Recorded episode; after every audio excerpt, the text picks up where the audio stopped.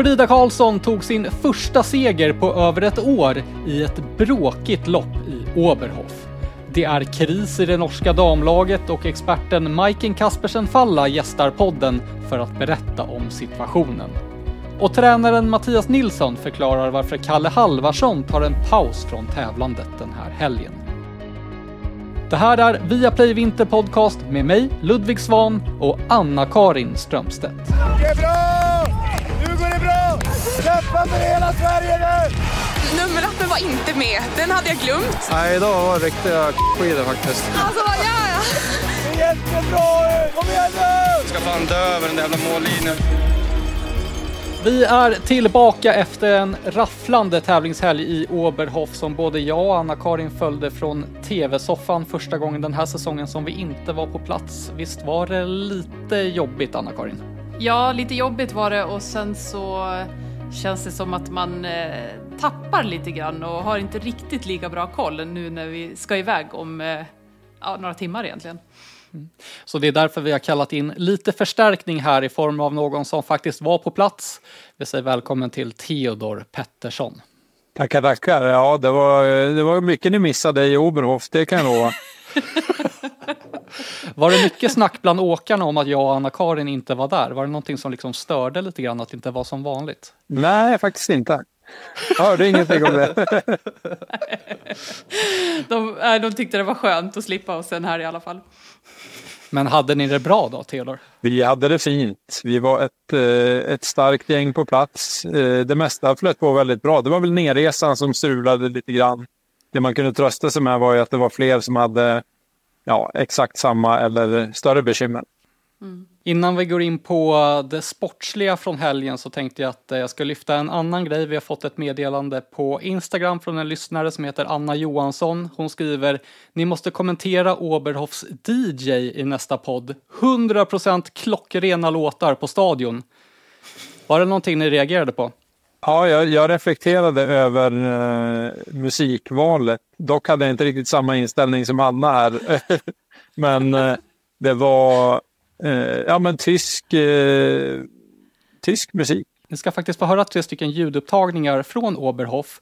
Och så tänkte jag att ni kan få sätta betyg på låtarna här 1 till 5. Eh, vi börjar med, med den första här.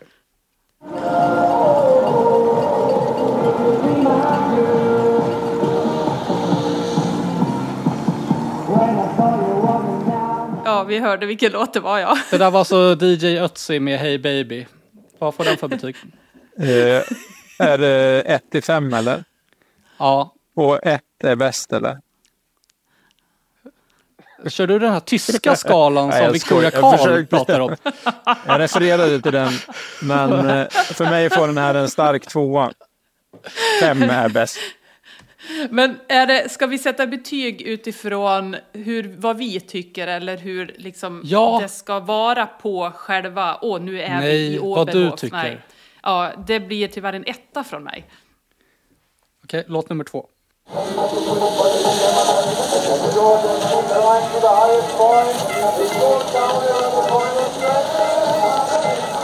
Ja, det är Macarena från Los del Rio. Ja, jag tycker ändå den funkar på en arena. Det får igång publiken lite grann. Men jag skulle säga en svag trea på den. Ja, jag tror att det här är samma DJ som eh, är på skidskytte och där funkar ju de här låtarna jätte, jätte, jättebra. På skidtävlingar vet jag inte, men från min sida så jag lägger mig ju under Theo igen. Det är ju, nej men det är ju inte bättre än den första. En och en halv från mig. Mm. DJn heter Jojo. Han är specialiserad på bröllop och afterski men gör då även tävlingarna i Oberhof. Vi tar sista låten också.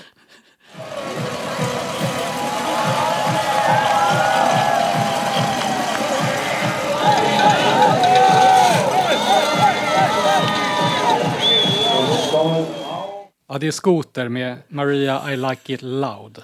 Ja, stökigt tyckte jag. Men eh, ja, det blir väl en tvåa på den. Ja, jag, går, jag går upp till en tvåa nu, gör jag. Hör man musiken på stadion när man tävlar?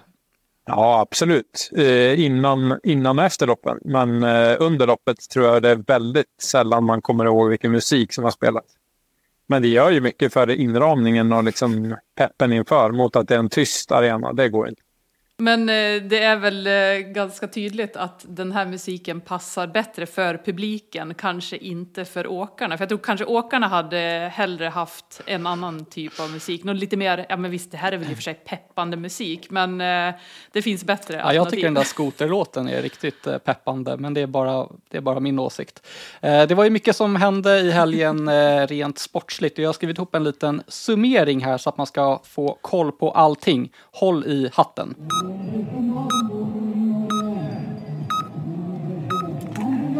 Världens just nu bästa skidåkare på herrsidan heter inte Johannes Höstflot Kläbo, han heter Erik Valnäs. Det 27-åriga muskelpaketet vann både sprinten och massstarten i Oberhof innan han var med och tog hem segern för Norge i stafetten.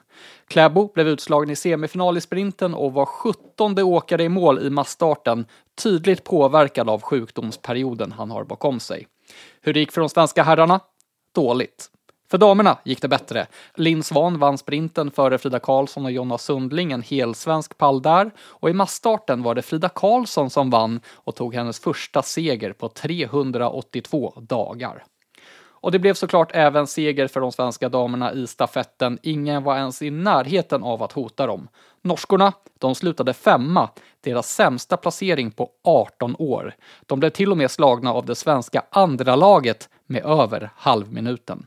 Aj, aj, aj.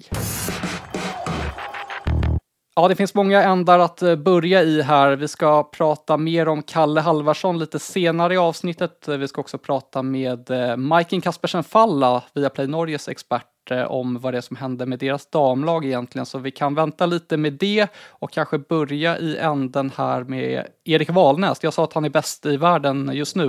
Är jag ute och cyklar eller? Ja, den här helgen var ju eh, det faktiskt det. Han vann ju både ett, sprintlopp, vilket kanske inte var jätteförvånande, men att han vann distansloppet var för mig i alla fall en överraskning.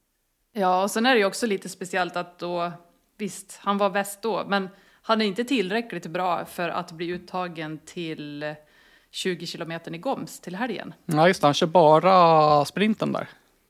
Ja, han, är, han är för dålig helt enkelt. Men då är det för att det är fristil och han är lite vassare i klassiskt. Ja, det stämmer. Men eh, det är, eh, kommer in lite andra folk där, Iver Tillheim Andersen till exempel, som inte får åka så ofta. Så det, är, eh, det är tufft som vanligt. Mm. Frida Karlsson tog alltså sin första seger på 382 dagar och Theodor, jag hörde dig säga flera gånger i sändningen från helgen att hon är bättre än någonsin. Ja, det skulle jag nog vilja säga att hon, hon är, eller åtminstone var i helgen. Eh, och Frida har gjort bra lopp tidigare, givetvis, och vunnit Eh, det som man kanske kommer ihåg mest är när hon vann i Holmenkollen. Eh, då var hon ju också ruskigt bra. Men eh, liksom, som hon gjorde det och också när man såg i sprinten så ja, jag vågar nästan säga att hon är bättre än någonsin. Också intressant tycker jag att se efter touren hur det liksom påverkar formen för olika åkare. För Frida har det ju varit i år en, ett lyft sedan dess, att man får en tävlingsperiod som man drar nytta av och eh, får en formtopp ganska nära efter. Så ja, intressant. Jag tänkte vi kan lyssna på Frida, det hon sa efteråt, hur hon upplevde massstarten som hon vann. Eh, ja, men jag hade som taktik att hela tiden ligga långt fram och det gjorde jag ändå. Sen det var krig där ute, alltså det var många svordomar ute efter spår från flera liksom olika så eh, men man märkte att eh, jag kunde ändå vara med varje gång det kördes så jag kände mig stark. Jag fastnade ju lite för det här med svordomarna. Hur mycket snackas det där ute i klungorna? Eh, ja, men det kan vara en del, eh, alltså just när åkarna som nu, när de kliver mellan spåren, åker där och sen får de för sig att kliva in i, i spåret mellan åkare. Eh, när det börjar dra ihop sig vill man inte släppa in någon i spåret när man har den ryggen man vill ligga bakom.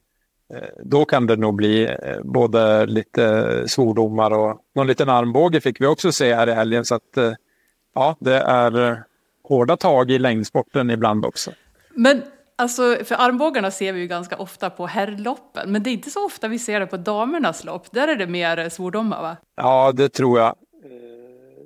Nej, jag kan nog inte komma ihåg att jag sett någon, någon av tjejerna slå, slå varandra eller liksom Eh, men det blir, det blir ju inte liksom knytnävsslag mot ansiktet utan det är mer eh, någon slags eh, bortfösning av den andra som är i vägen.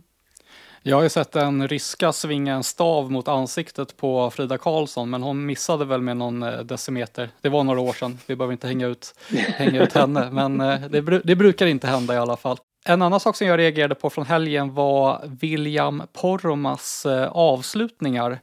Både i massstarten och i stafetten såg vi honom bli passerad av ganska många åkare på slutet. Det var väl lite olika karaktär på de två loppen, men eh, vad tänkte ni när ni såg det där? Ja, jag tänkte på eh, masstartsloppet där på lördagen att eh, han gick ändå hårt. Det, fältet drogs ut. Jag trodde inte att han skulle vinna, men jag trodde att han skulle greja en pallplats. Men det var rejäl motvind eh, och William fick ju liksom åka i motvinden hela vägen medan de andra låg bakom och sparade lite krafter och eh, kunde vika ut och, och åka förbi och sen kom det en hel drös på slutet. Eh, ja, eh, det är lätt att vara efterklok. Jag tycker på något sätt här, när man är i det läget, sista backen, jag förstår att man är rätt sugen på att använda de krafter man har, även om det så här i efterhand förmodligen hade varit bättre att ha en lite mer eh, passiv inställning där för att komma bakifrån. För William är ju duktig på att spurta, egentligen. Och sen i stafetten så var det ju, ja, det var väl ett litet felbeslut, eller han hamnade i en jobbig situation där inför upploppet, men där möter han ju också flera av världens absolut bästa spurtare. Ja, eh, att greja pallen i den sporten hade ju varit eh, väldigt eh, strångt gjort. Eh, så ja, det, det, det, hade, stafetten hade behövt utveckla sig på ett annat sätt. Han hade behövt bli av med några fler helt enkelt. Det jag reagerar på är när man tittar i den där klungan så är det egentligen tre starka sportåkare. Eh, de andra, om det var sju lag till, eh, har ju inte en spurt. Så att de, jag är så förvånad hur man åker och tänker att ja, jag väntar till... William gjorde ju något försök, men det var många som inte ens provade. Det är för mig förvånande. Man väntar på att någon annan ska ta initiativet. Jag kan tänka mig att eh, du, Theodor, hade lagt upp taktiken lite annorlunda om du hade, annorlunda om du hade varit i den där situationen. Först och främst hade jag aldrig orkat hänga med, men om jag hade varit med så hade jag inte varit den som går upp och höjer farten, utan eh, bara legat med. Ja, Theodor, eh, vi ska släppa dig. Du är på jobbet, va? Du har smitit ifrån för att snacka lite med oss. Ja, precis. Jag sitter här och gömmer mig i ett rum. du får återgå till jobbet. Yes, ha det gott. Tack ska ni ha. Sverige har precis släppt sin trupp inför helgens tävlingar i GOMS där det väntar mixstafett, sprint och massstart och det är en ruskigt stark trupp. Alla de stora namnen är med utom ett. Kalle Halvarsson saknas. Är du förvånad, Anna-Karin? Kalle har ju haft ganska dålig form egentligen känns det som från eh, Tour de Ski och då trodde vi att han skulle hoppa av men han fortsatte och sen så har det varit lite upp och ner. Nu väljer han ändå att ta ett litet avbrott så att nej, jag är väl inte förvånad egentligen men eh, trodde kanske att han hade trodde kanske att han skulle pausa lite tidigare än så här. Ja, i helgen så gick det inte alls som han ville. Han bröt massstarten och sen i stafetten så hade han det riktigt tungt och så här lät det när han stannade till vid intervjumikrofonen efteråt. Nej, jag gör min sämsta sträcka någonsin tror jag. Ja, tyvärr. Vad är det som händer? Nej, jag känner inte igen kroppen. Eh, jag har ingen energi. Efter 500 meter så är jag helt, helt tom i tanken känns det som. Så att, eh, ja, hade det inte varit stafett idag då hade jag nog klivit av redan efter ja, ut, efter andra varvet tror jag, för sista varvet är brutalt alltså. Det är hemskt. Jag, ja, det är så håller på att svartna liksom. Det är någonting som inte står riktigt till. Ja, det är någonting som inte står eh, riktigt eh, rätt till och eh, vi tar in hans tränare Mattias Nilsson här för att få reda på vad. Ja, hur är det med Kalle? Ja, eh, jo men det är nog ganska bra med Kalle tror jag. Han har fått eh, komma hem och landa med familjen lite grann och återhämta sig efter helgen. Så det finns nog hopp om livet, det tror jag. Ja, det låter ju bra det i alla fall. Det var, ja, han var ju inte på topp i helgen och han eh, verkade inte njuta av att åka skidor direkt. Eh, han nämnde att magen spökade för honom. Var det det som var problemet? Ja, det, det var det väl tyvärr. Eh, det kom ju lite ur det blå för oss också. Det hade funkat väldigt bra efter touren. Känns bra när han har tränat på och åkte med stor tillförsikt ner till, till Oberhof. Men eh, natten innan eh, distanstävlingen där på lördag så, så var det lite stökigt. Eh, och då fanns det inte riktigt någon energi där på, på lördagen heller. Och det, det var överraskande att det kom nu för vi, vi, allt hade funkat bra innan. Men det är ju någonstans, det är ju någonting som man har haft förr. Så det, det är ju ingenting som vi famlar i mörker kring, tyvärr idag. Eh, även om man har varit förskonad under en eh, längre ihållande period nu. Ehm, så jag hade ju förhoppningar om att det skulle gå över fort, vilket det har gjort ehm, historiskt flera gånger. Så det var ju eh, med tillförsikt inför söndagen också. Men eh, den här helgen ville det sig inte riktigt, utan det, det stökade till det. När han får det här i magen så får han ju inte energi riktigt ehm, och, och blir ju väldigt matt och får inte, får inte ut det han kan helt enkelt. Men eh, hur lång tid brukar det ta då innan han är tillbaka igen? Hade han kunnat kört i helgen eller vad är anledningen till att han inte kör i helgen nu då? Alltså lite oförutsägbart. Det har, det har varit lite olika. Vissa gånger har han varit tillbaka dagen efter. Eh, förutsatt att det har så att säga skogen har gått över och han har fått i sig bra med energi. Eh, men när det blev som det blev nu, att det höll i sig ett par dagar, då, då kändes det ändå rätt med det som kommer lite längre fram. Eh, och få en period hemma inte behöva känna någon stress utan låta magen lägga sig, känna att man har energi och, och kan göra ett bra träningsjobb fram mot, mot eh, Kanada och, och, USA i första hand då kanske. Var står han formmässigt annars eh, känner du? Jag tror ganska bra. Eh, vi har ju inte järnkoll såklart. Eh, vi vet ju historiken att han var väldigt stark i Trondheim. Eh, fick covid väldigt tätt på touren och att det blev, blev tufft. Eh, men någonstans så, så, tror jag, med tanke på hur god formen var innan touren ehm, och sen med de tuffa race han ändå fick i kroppen där och sen en lugnare träningsperiod hemma. Det är sånt som brukar göra att han, han kommer i fint slag och han kände sig pigg i, i dagarna innan Oberhof. Så eh, jag tror att får vi bara ordning på energinivåerna och att magen fungerar så, så tror jag att det ska kunna gå fort. Jag tror många som lyssnar på det här är lite nyfikna på hur det är att vara Kalle Halvarssons eh, tränare. Eh, det händer ju ofta mycket kring Kalle och det finns en otrolig potential i den skidåkaren. Ja, hur, hur påverkar han ditt liv? ja, se ju frisyren. Eh, ja, det är inte många år som kvar. Det är inte många år som kvar. Uh, nej, men om man ska vara allvarlig då så är det väl så att det, det, är faktiskt helt ärligt jättekul att jobba med Kalle. Det är en ynnest att ha fått gjort det i, i några år. Eh, det är ju alltid två delar. Eh, Kalle är ju totalt öppen och filterlös gentemot eh, ja, er och alla runt omkring. Och det blir ju bra rubriker av det ibland och det blir lite, lite brus av det ibland. Men samtidigt så tror jag vi ska vara väldigt tacksamma för att sånt finns. Det är ju härligt och det är kul.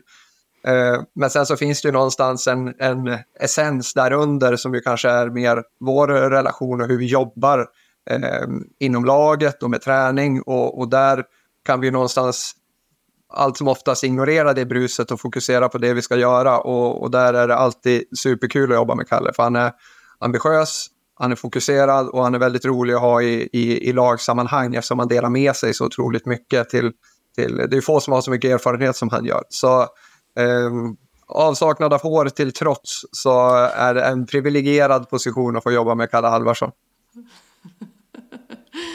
alltså det är ju så ofta som Kalle är på tävling och så tänker vi att nu, idag, kommer, kommer det här att gå riktigt bra och så kanske det inte gör det, men så vet vi ju att han är ju, han har ju den där potentialen att kunna vara bland de absolut bästa. Hur bra skulle du säga att Kalle egentligen är? För det är inte alltid han får visa det. Nej men så är det ju. Men eh, tittar man på de senaste säsongerna så har han ju ändå varje säsong levererat lopp som är någonstans i, i paritet med världselit. Eh, han var uppe på pallen många gånger i fjol. Han har sin fjärde och femte plats i år från Trondheim. Så någonstans, det, det är ju hans toppnivå.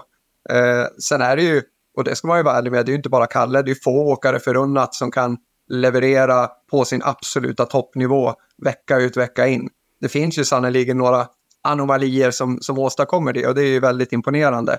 Eh, men eh, att, att Kalle när han är på sitt bästa är i världselit, det, det visar han ju upprepade gånger. Mm. Sen eh, är det ju upp och ner, men, men med det sagt så tycker jag inte att det har varit tillnärmelsevis lika mycket upp och ner de senaste två säsongerna som det kanske var innan.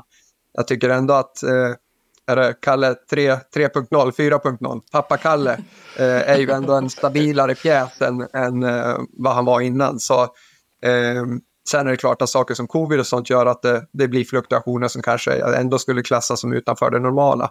Annars tycker jag att det är en stabilare Kalle vi har sett de senaste två säsongerna. Ja, visst har det hänt någonting med hur han är nu efter att han har blivit pappa? Han känns tryggare på något sätt. Det tycker jag. Trygg och glad och eh, liksom duktig på att koppla på och av. Och, men det kanske kommer med föräldraskapet där. Så nej, det, det har varit kul att, att, att följa honom de här senaste två säsongerna. För en liten upprättelse tycker jag ändå det har varit efter en liten eh, tyngre, tyngre säsong där innan. Ja, men super Mattias, då har vi lite bättre koll på status Kalle Halvarsson och jag vet att du har lite sjuka barn att ta hand om där hemma. Toppen, tack så mycket. Nu ska vi vrida fokus mot eh, det norska damlaget som har det minst sagt eh, motigt just nu och vi har fått besök av en tidigare storstjärna från Norge med fem VM-guld på meritlistan, ett OS-guld, 22 individuella segrar i världskuppen och nu är hon expert i norska Viaplay, Maiken Kaspersen Falla. Välkommen till Viaplay Vinter Podcast. Jo, tusen tack. Det var ju en tung helg i Oberhof för de norska damerna, kanske framförallt på stafetten. Vad tänker du på när du tänker tillbaka på den här helgen? Eh, jo, eh, du har ju helt rätt. Jag syns det, alltså det har ju varit en tuff säsong för, för det norska damlaget. Eh, men i Oberhof, och speciellt då på stafetten, så blir det ju väldigt synligt att eh, det är något allvarligt galt då, eh, egentligen med med det norska damelandslaget för det. Mm. De blev alltså femma i stafetten. De var nästan fyra minuter bakom det svenska första laget som vann och de var även bakom det svenska andra laget. 36 mm. sekunder bakom dem. Eh, det var sämsta placeringen på 18 år för norskorna. Anna-Karin, vad tänkte du när du såg det där? Jag tänker dels så visste vi ju förra året så presterade ju damerna väldigt bra i Norge och där hade vi kanske tänkt att de skulle prestera lite sämre men då är, ju, är det ju många som, som gör det väldigt bra. Men till i år när det är så många som är borta så ser vi ju att eh, bredden i Norge inte är så hög som den har varit tidigare med Marit Björgen och Therese Johaug. Och eh, i Norge så blir det väldigt speciellt när man inte presterar. De är inte van vid det. Och jag, eh, alltså jag kanske inte var så där jätteöverraskad, men precis som Majken säger, det är ju någonting som inte är som det ska. Och eh, frågan är ju vad det är. Vad tänker du om det, Majken? Mm, jag tror det är flera ting, då. Men sånn det trekker fram fra forskjellen fra i fjor til i år, er jo det at det har vært ekstremt mye sykdom. Eh, har, de beste har ikke vært med på samling. Én ting er jo at de har Skistad og Slind som står utafor lag, eh, men så har man i tillegg hatt sykdom, sånn at de beste som faktisk er på lag, har jo vært mye syke og ikke kunne bidratt med et høyt nivå på samlinger. Sånn som man trenger, da. Mm. Eh, og det tenker jeg jo liksom Eh, man ser jo de yngre, man ser de andre nasjonene. Det er jo ikke så mange som har Det er jo ingen som har like mye frafall som Norge, så det er jo nødt til å være Det er jo noe som har skjedd, Och og nå har det vart så lenge at eh, man kan ikke lenger sette det på den uflakskontoen. De er nødt til å finne ut ja, finne en diagnose, rett og slett. Da. Altså, hva er det som har gått galt? Fordi när når det har vært så lenge, så, så er det ikke uflaks lenger. Da. Det, det ligger noe mer bak. og Eh, ja, hva kan det være? Det kan ha vært en for stor totalbelastning. Eh, det kan være for mye reise, det kan være smitteverntiltak på treninger, på samlinger, på, på konkurranser. Altså, jeg vet ikke, jeg har ikke vært i det, men, men det kan jo det kan være mye, da. Mm. Men det, det, här du säger också då om eh, Slind och och eh, Kista att de står utanför landslaget. Det är klart att det är inte bra, men hur hade du velat haft det? Hur hade du velat sett att de kunde lösa det här för att få dem in på laget igen? Eh, jag tänker att det är viktigt att det, är ett, eh, att det måste på något vara ett önske från bägge parter. Då. Att sånt som när Kristine och Astrid nu ser, ser hur det står till med norsk damelangrenn, att, att de är trängt. Det, man kan inte på en måte gå ut och köra sitt eget löp. Alltså den, eh, den skuta här, da, den må rose i havn eh, VM i Trondheim. Eh, det måste skje samla. Eh, vi tränger alla de bästa, och vi tränger speciellt spesielt Kristine och, och Astrid då, eh, till att vara med och, och dra det här i land, för det är nödvändigt att ske en ändring. Och samtidigt så måste Skiförbundet då eh, klara att lägga till rätta för att eh, att det ska vara ett ønske om att komma på lag. och helt konkreta orsaker eller vad, vad de kan önska sig eller vad de trenger för att tacka ja till en landslagsplats. Det får bli en diskussion mellan skidförbundet och, och, och de jäntorna det gäller. Då. Kan bara säga det om det är några som sitter och är lite förvirrade här så alltså både Kristine Kista Kristine Stavås Kista och eh, Astrid Öreslind. De har valt att stå utanför det norska damlaget under träningssäsong. Sen ansluter de då för att tävla nu under vintern. Och i övrigt så är det ju som ni är inne på många som saknas. Ingvild Flugstad Östberg har hälsoproblem, hon tävlar inte. Helena Marie Fossesholm tävlar inte heller, hon är inte i balans och den här helgen så saknades även Anne-Kersti Kalvå, Lotta Unesväng och Astrid Öreslind. Eh, så det är många som är borta. Och eh, det är som du är inne på Majken, det är ju VM på hemmaplan som närmar sig. Är det en oro i Norge kring det här nu? Uh, ja, det är ju i hvert fall en, det er jo en usikkerhet, da. Uh, eh, man ser jo det at man er nødt til å gjøre en endring for at man skal være altså den langrennsnasjonen man ønsker i Trondheim, Trondheim neste, ja, om ett år. da. Uh, men samtidig så har vi jo sett i fjor at det är norska damer som kan gå fort på ski. Eh, de må bara få ting till att stämma bättre än de har gjort förr. Så jag tror inte vägen, den är inte så lång, eh, även om det ser brutalt ut i helgen. För vi har fler jenter som inte stiller på start. Eh. Men samtidigt så är det ju den här...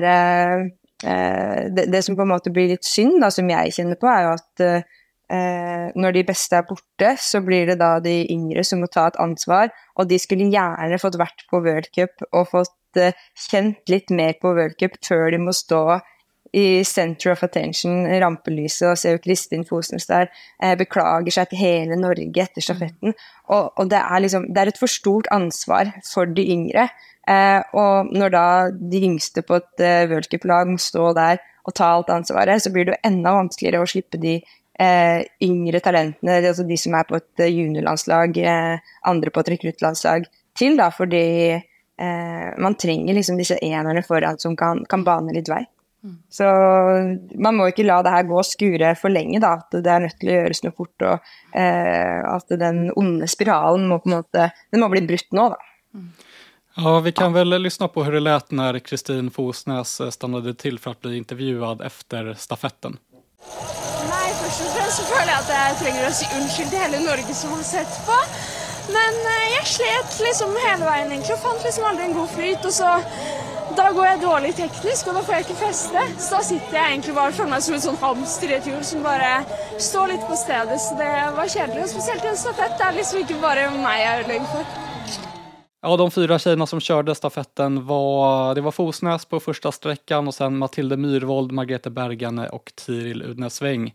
Jag tycker också lite synd om de här tjejerna. De får bära ett tungt ansvar och eh, det gick inte alls vägen för dem. Ja, precis. Det är ju så. Jag var ute och gick med, åkte lite skidor med Fosnes här veckan innan och hon är ju en ung jämte som är väldigt glad och som, som man behöver i det där laget. Men det är precis som Majken säger, hon är för ung och hon har inte den erfarenheten för att vara den som nu ska bära fram det här laget. Men jag tänker, Mike, när du var på lag så var det ju såklart ett starkt lag och alla var med och bidrog till det här ja, för att göra det så bra som möjligt. Vad ser du är den största skillnaden nu mot hur det var när du var med? Eh, det, oj, det är ju vanskelig att svara på, egentlig. Sånn, det er jo mye det jeg har vært inne på nå, da, mm. eh, som jeg syns at jeg ser. Eh, og at man mangler da eh, Man mangler jo den, de største enerne da, som kan være mot rekkelasset. At eh, man kan se Det er så viktig for de som er yngre, å komme inn på et lag eh, og kunne se at eh, Se hva de gjør, da, konkret. Altså det er ikke nødvendigvis at man er nødt til å høre og tro, men at du på en måte får du får, du får sett det hver eneste dag på trening hva de beste gjør, og du får også visst det, eh, ikke bare hva de gjør, men du får også se hvor gode de er. da. Og det er jo en ekstrem motivasjon når man er, når man er yngre utøver, å kunne komme og være med og så virkelig se det her på nært hold. Eh, mens det har jo ikke vært en mulighet nå. Eh, så tenker jeg også en, eh, Et annet liksom, eh, punkt kan jo være det at eh, eh, Ja, at du ser at, eh, at liksom det har hele tida vært en sånn eh, framgang, da, at det hele tida kommer nye og nye og nye, men så har det stoppa litt opp. Eh, så kan man også stille spørsmålstegn rundt det om, om det har blitt satsa for gammelt da, eh, på landslaget. Om heller løpere med potensial eh, burde fått sjansen, selv med litt dårligere resultater, enn eh, en eldre utøvere som kanskje har vært på lag lenge, eller som ikke har de beste resultatene. At man må satse litt mer poten på potential, da. Og det var jo det som ble gjort med meg. At det hadde et potensial, men og fikk da muligheten til å matche meg. Eh, og nå har de ikke den muligheten lenger, fordi eh, det blir eh, ja, det blir for trangt om plassen, og man har ikke de gode resultatene å lene seg bak. Så man har ikke tiden til å satse på de med potensial. Da. Nej. Men jag tänker på en sån som Kristine Stavås Kista. Hon är den som har tagit den enda segern för de norska damerna hittills den här säsongen. Det har funkat väldigt bra för henne att göra en egen satsning utanför landslaget. Hon har testat att vara inne i landslaget, det passade inte henne. Hur ska hon tänka då att prioritera sig själv eller prioritera laget? Mm, ja, det er kjempevanskelig, men jeg tror at man kan få til begge deler.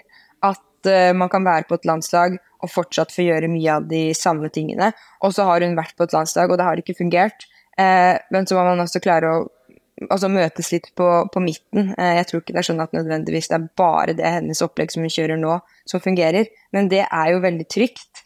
Eh, og det kan man jo også trekke konklusjonen videre til at eh, sånn som Sverige, da, de vet jo nå eksakt hva de skal gjøre eh, før VM i Trondheim. De har jo på en måte funnet vinneroppskrifta, mens i Norge så må det jo satses nå.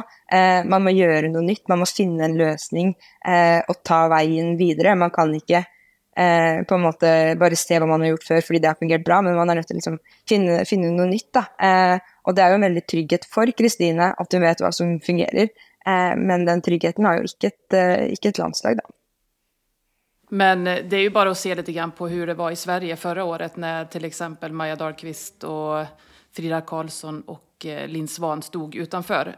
Sen valde de ändå att komma tillbaka och även om de har lite individuella upplägg på, på, på mm, läger och sånt så är de ändå med och bidrar och det visar sig ju att alla tränar ju med de bästa hela tiden och det har verkligen gjort att det har blivit riktigt bra. Så att jag förstår att det du säger att det går att hitta en kompromiss, det måste kunna gå att lösa det här på ett bättre sätt än vad man har gjort nu. Ja, alltså Kristin har också ett önskemål om att utveckla sig og bli bedre. Eh, og da kan man jo også som kjent liksom, Du kan ikke gjøre det samme flere år på rad og forvente å ha utvikling. da. Så kan det være at det nå er tiden inne for at hun skal ta steget inn på et landslag. At det er det nye hun må gjøre for å utvikle seg videre, da.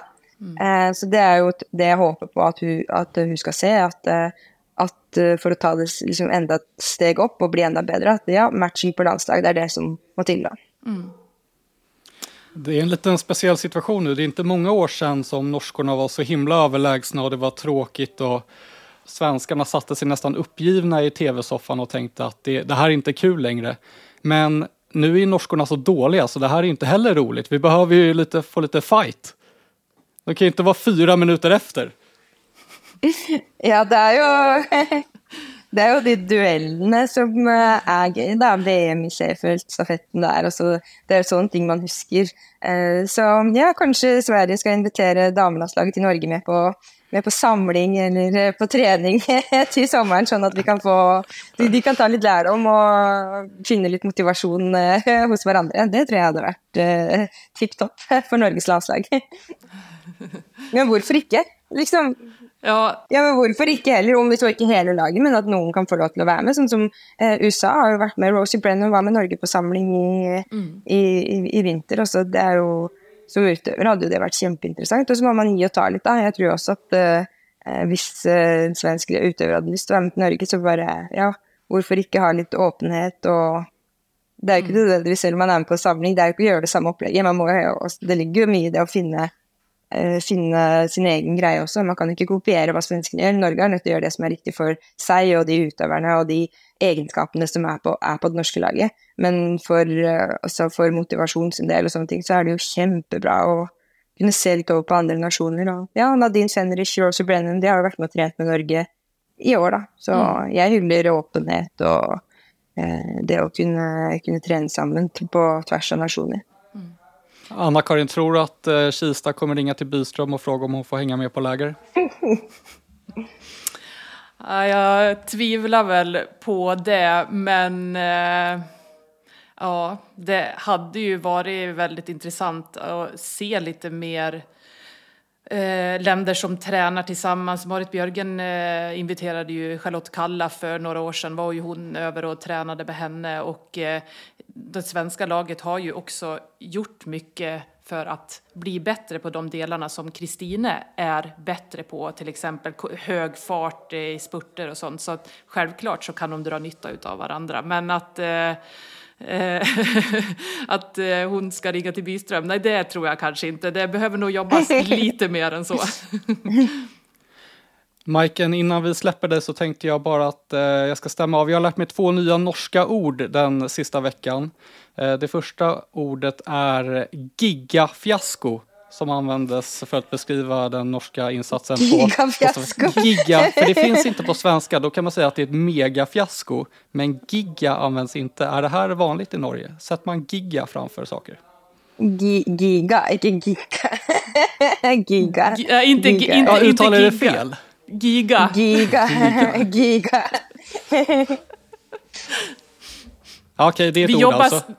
Ja, vi jobbar ständigt med uttalen på, på Ludvig, vare sig det är norska eller tyska. Men eh, giga i alla fall. Okej, bra. ja, ett giga, bra uttryck, det ska vi börja använda. Och det andra ordet är när jag skulle skicka instruktioner till eh, Majken inför att hon skulle vara med i podden här, så skulle jag skriva att hon ska ha på sig hörlurar. Så tänkte jag kolla, vad heter hörlurar på norska? Så att eh, hon förstår vad jag menar. Och då hittade jag att det, att det heter hodetelefoner. Alltså huvudtelefoner. Ja. Jeg skjønte, jeg skjønte hva du mente siden du skrev AirPods også. Så det, det, lø, det løser seg. Ja, för Jeg kan ta huvudtelefoner, mitt, fa- mi- Mus vi er inne på det, mitt favorittord på svensk, da. ja vad är det? Skarvslæd. Det er liksom, Vi var på samling i Sverige, og vi skulle prøve å få tak i en skjøteledning. og bare sånn, Vi holdt på så lenge for å bare få den her eh, ledningen. Ja, just det. Köttledning ja, och skarvsladd, det är ganska stor skillnad på de orden. Ja, mm. ja men... Eh, Det har vært problemer hos meg, da. Men vi har lært på det. Og jeg, og jeg, har faktisk, jeg har hatt nytte av det mange ganger. Å kunne det. Den, var, den är lite otippad, det är nog inte det ord jag har tänkt på. Det är många ord, men just skarvsladd. Ja men bra, då vet vi det. Då vet vi vad vi ska säga till våra norska kollegor i framtiden. Ja, härligt. Eh, Då har vi lärt oss lite om eh, våra olika språk också. Eh, Majken, tack så jättemycket för att du stannade till här. Du ska få återgå till, du har väl en liten bebis att ta hand om va? Ja, han våkna her nettopp, så han venter vel på meg, tenker jeg. Ja, härligt. Tack för att du var med här. Tack. Jo, bare hyggelig. Bare hyggelig. Mm, alltid kul att prata med Majken Kaspersen Falla. Jag måste säga, jag saknar att ha henne ute på världskuppen. Hon hade många fina duster med Stina Nilsson. Det var kul att följa, eller hur? Ja, det var det ju såklart. Men det är ju många utav de här äh, norska tjejerna som man ändå saknar lite grann. Framförallt nu då, när det är som det är. Det är ändå roligare när vi har de här Sverige-Norge-fighterna. Det har vi ju såklart med Kista och sprinttjejerna, men annars så är det lite skralt. Ja, så är det. Du, eh, vi har fått in eh, några lyssnarfrågor som jag tänkte att vi ska svara på. Eh, LKH Johansson skriver, hur kommer det sig att det var åtta norska herrar till start i sprinten men bara sex damer? Det var ju inte utan att man satt och surade lite för Johanna Hagströms skull, men jag gissar att det finns en rimlig förklaring. Ja, det gör det ju såklart. ska jag svara eller ska du svara? Ska jag svara? Nej, men, ja, gör det. Det var ju för att eh, den som leder den totala världscupen har en fri plats och det var ju Harald Östberg Amundsen. Och även den som leder den skandinaviska kuppen har en fri plats och det var ju Mattis Stenshagen. Så därför var de åtta åtta medan det bara var sex eh, svenska damer. Sex är ju originalkvoten för Sverige och Norge. Eh, nästa fråga kommer från Mats Björkman Eld. Det här är en ganska lång fråga, du får luta dig tillbaka här. Han skriver jag har en fråga som gäller längdåkares fartställning. Jag kommer själv från alpint håll och jämför jag en längdåkares fartställning med riktig störtloppsställning så är den fartställning som längdåkare använder ganska bristfällig. Framförallt upplever jag att längdåkare inte kryper ihop särskilt mycket vilket borde resultera i att man tar upp onödigt mycket luftmotstånd. Är detta något som diskuteras inom längdåkningen? Beror skillnaden på att längdåkare vill passa på att vila i utförsåkningen tränar man som längdåkare mycket på att optimera en fartställning? Nu får du svara. Ja, det är ju faktiskt en väldigt bra fråga och han har ju rätt i att man eh, borde krypa ihop mer. Och jag tror att de flesta försöker göra det hela tiden. Men när man åker längdskidor då, så åker man ju oftast i en uppförsbacke innan, har väldigt mycket mjölksyra i benen och då är det väldigt tungt att krypa ihop och stå i eh, 90 graders vinkel, eller ja, alpinåkarna står väl ännu längre ner. Men eh, det är klart att man försöker komma ner så långt det går, men är man sådär extremt stum så ser vi ju åkare ibland som bara står helt rakt upp, för de klarar inte det. De är för stumma i benen helt enkelt. Men det går snabbare att krypa ihop, så han har mycket rätt där. Och eh, ja, det är klart att man tränar på utförsteknik, men man kanske borde träna ännu mer. Mm. Du, vi tar nästa fråga. Den kommer ja. från eh, Mårten Persson. Han skriver, hur är relationen mellan media och åkare? Är man kompisar eller är allt professionell relation? oj, oj, oj. Ja ja, vi kan ju svara på den där båda två. Det är, vi är väl inte direkt kompisar med åkarna. Men däremot så har vi väl en, jag skulle säga att vi har en väldigt bra relation till dem som gör att vi pratar ju mycket med dem. Vi har, det är lätt för oss att få göra intervjuer och få tillgång till dem. Jag är ute ofta och kör banrapporter med åkare och då hade jag varit en helt främmande person så tror jag inte det hade varit lika lätt för mig att göra de här grejerna. Men eh, vi är ju inte kompisar, det är vi inte. Sen är det klart att man känner ju vissa åkare bättre än andra och det beror väl lite grann på kanske vart man kommer ifrån eller vilka man har tävlat med tidigare. Mm, jag tror att det är nog svårare för experter än för reportrar. Många experter har ju tävlat ihop med de åkarna som fortfarande är aktiva och varit i samma landslag. Du är ju inte i den situationen, men till exempel Theodor Pettersson och Majken Kaspersen Falla de har ju gamla lagkompisar inne i landslagen. Och där mm. kan man väl misstänka att det finns en del kompisrelationer, vilket då är fullt naturligt. Men när man väl jobbar så måste det såklart vara en professionell relation. Jag som reporter som inte riktigt kommer ifrån längdsvängen i grunden, även om jag nu har jobbat med det här väldigt länge, för mig är det nog lättare att separera. För mig är det ju 100% professionell relation på alla plan. Jag har inga kompisar där ute skulle jag inte säga. Även om man såklart kommer överens och ja, man lär ju känna varandra yrkesmässigt, att det byggs upp ett förtroende och en, en respekt sinsemellan. Så vi är ju inte ovänner heller. Men jag skulle ju aldrig ta en, en fika med, med William Poromaa om vi inte ska göra en intervju till exempel. Nej, men är det inte någon som du är lite mer kompis med ändå? jag trodde du skulle börja fråga om min fru nu. Jag har ju gått och gift mig med en längdåkare. Ja, ja, precis, exakt. Det är ju väldigt oprofessionellt. Det är ju, du har ju liksom gjort det som, eh, jag tänkte säga, som man inte ska göra, men det, så är det ju mm. inte. Men, men du, då får jag, ska... gift, du har ju ändå gift dig med en skidåkare som du intervjuade väldigt, väldigt många gånger. Hur, hur tänkte du där tänkte jag säga? Får jag börja mitt försvarstal nu? Ja. Jag kan eh, medge att jag intervjuade Julia Svan eh, väldigt många gånger. Det fanns ju ett allmänintresse kring hur det gick för Julia med hennes satsning såklart. Sen var det Lite så att mer hon... än för vissa andra kanske? Sen var det ju så att eh, Julia valde att avsluta sin karriär hon hoppade in och jobbade som gästexpert för Expressen där jag också var reporter. Eh, och då lärde vi känna varandra på ett annat sätt än bara det strikt professionella och det här ledde då, eh, ja, det ledde då till ett giftermål till slut. Ja. Det är väl okej? Det är väldigt okej. Okay. Jag ska inte göra om det. Jag ska inte göra om det. Nej, det är jag nog ganska övertygad om att du inte kommer att göra. Det var snyggt jobbat i alla fall. Tack så mycket. Eh, nu halkade vi av spåret lite här. Vi, vi, vi vrider fokus lite grann mot eh, Goms, Schweiz. Det är där det är tävlingar i helgen, fredag, lördag, söndag. Eh, både du och jag ska dit i vanlig ordning. Och eh, jag kan väl säga det hur den svenska truppen ser ut, vilka det är egentligen som kör. Jag sa ju bara att alla är med, men det finns ju lite saker som är värda att nämna här.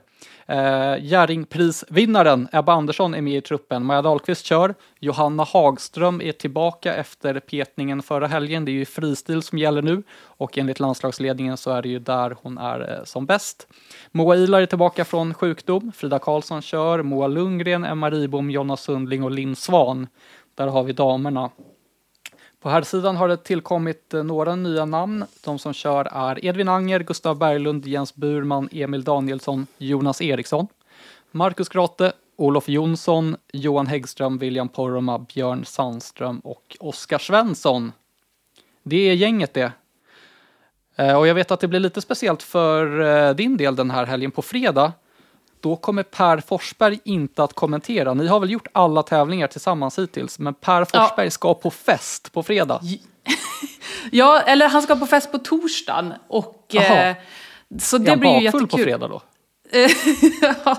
ja, det kanske han är. Men eh, han kommer i alla fall att resa ner då till Goms på fredagen. Så mm. därför så blir det inte jag och Per Forsberg på eh, fredagens mixstafett.